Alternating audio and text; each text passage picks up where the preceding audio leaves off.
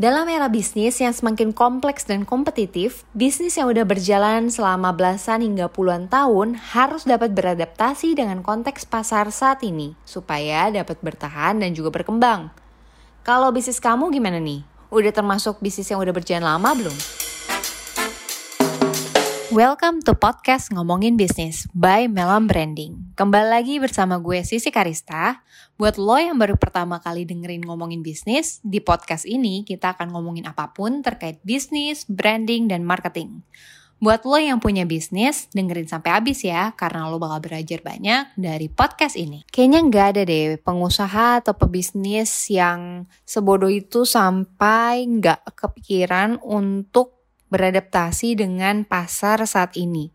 Karena kalau mereka jalanin terus dengan cara lama mereka, gue yakin sih ketinggalan jauh ya. Uh, apalagi kalau gue belakangan ini udah ketemu banyak pengusaha-pengusaha yang mereka tuh justru tetap struggle gitu walaupun ngikutin perkembangan zaman. Misalnya orang-orang udah masuk ke TikTok, mereka udah main di TikTok.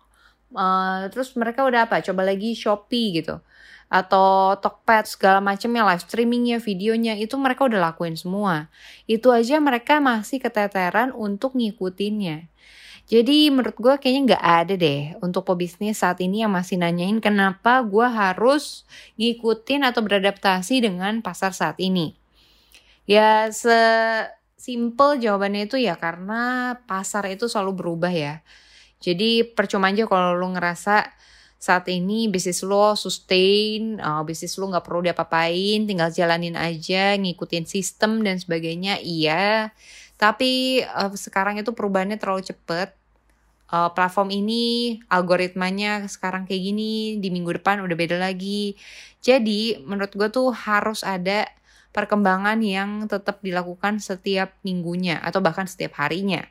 Dan untuk mengembangkan bisnis saat ini yang udah lama berjalan, salah satu strategi yang dapat dilakukan dengan menerapkan kontekstual marketing. Soalnya di kontekstual marketing ini, bisnis kamu bisa menargetkan konsumen dengan konten yang sesuai dengan kebutuhan mereka pada saat itu. Dalam konteks pasar saat ini, ada beberapa teknik kontekstual marketing yang dapat dilakukan seperti menggunakan Google Ads atau SEO dan melakukan rebranding perusahaan. Dengan menerapkan teknik-teknik ini, bisnis juga dapat menarik perhatian konsumen dengan konten yang relevan, meningkatkan kesadaran merek dan juga meningkatkan penjualan produk. Tapi apa sih hubungannya sama Google Ads, SEO, dan juga rebranding perusahaan sama kontekstual marketing? Karena ya kalau kalian lihat sendiri ya, di zaman sekarang banyak banget perusahaan-perusahaan yang logonya itu udah 30 tahun ke atas dan baru di rebranding sekarang dengan logo yang lebih simplified yang gak terlalu banyak warna dan juga 2D. Nah itu kenapa ya bisa kayak gitu? Karena bagi mereka dengan dia rebranding, dia tuh menganggap uh, men-establish dirinya itu masih relevan untuk di pasar zaman sekarang. Begitu juga kayak masuk ke Google Ads dan SEO.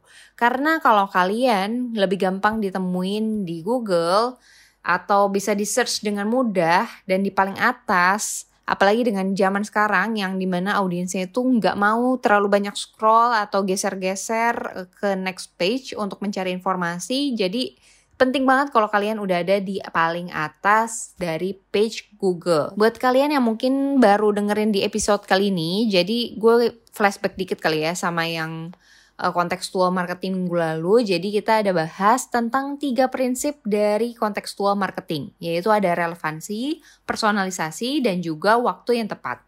Relevansi bagi konten yang disajikan juga harus sesuai dengan kebutuhan dan minat konsumen. Sedangkan personalisasi berarti konten yang disajikan harus sesuai dengan preferensi konsumen. Sedangkan waktu yang tepat juga penting karena konten yang disajikan itu harus pada saat yang tepat juga dengan kebutuhan konsumen. Lalu kalau misalnya kita udah coba nih tiga-tiganya ya, tadi rebranding, terus habis itu juga udah Google Ads, SEO juga.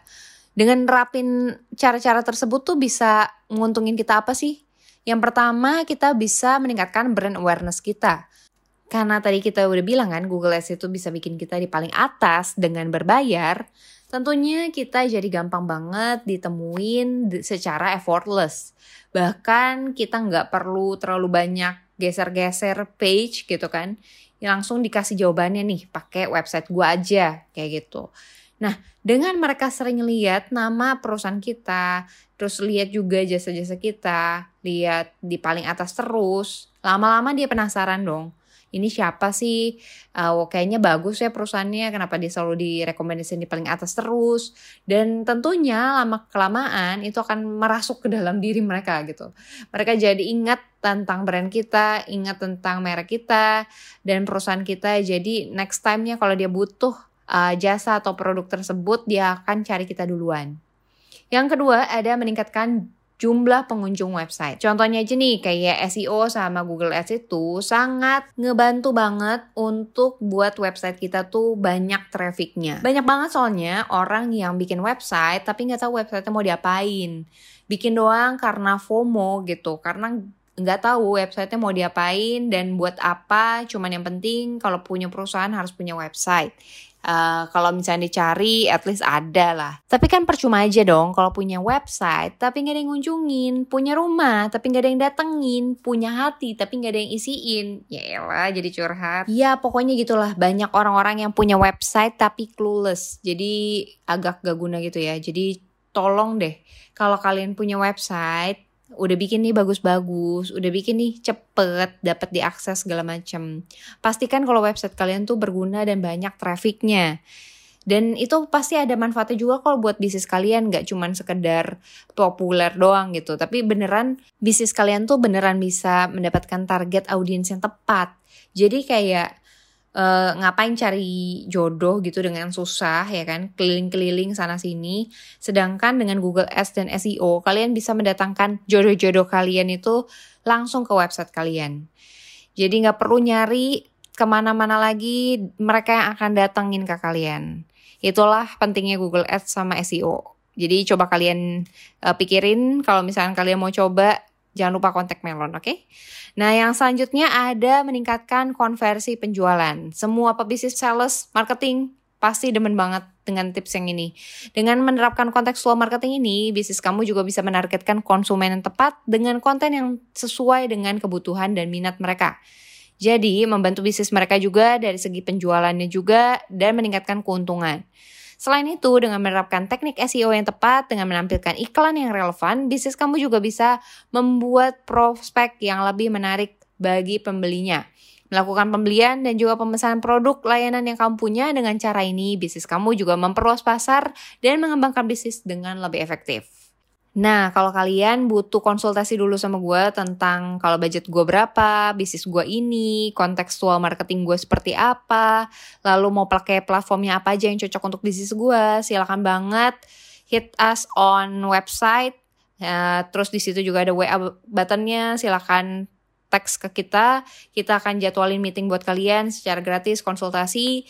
Dan see you on the next episode. Kita akan masih ngebahas tentang kontekstual marketing selanjutnya.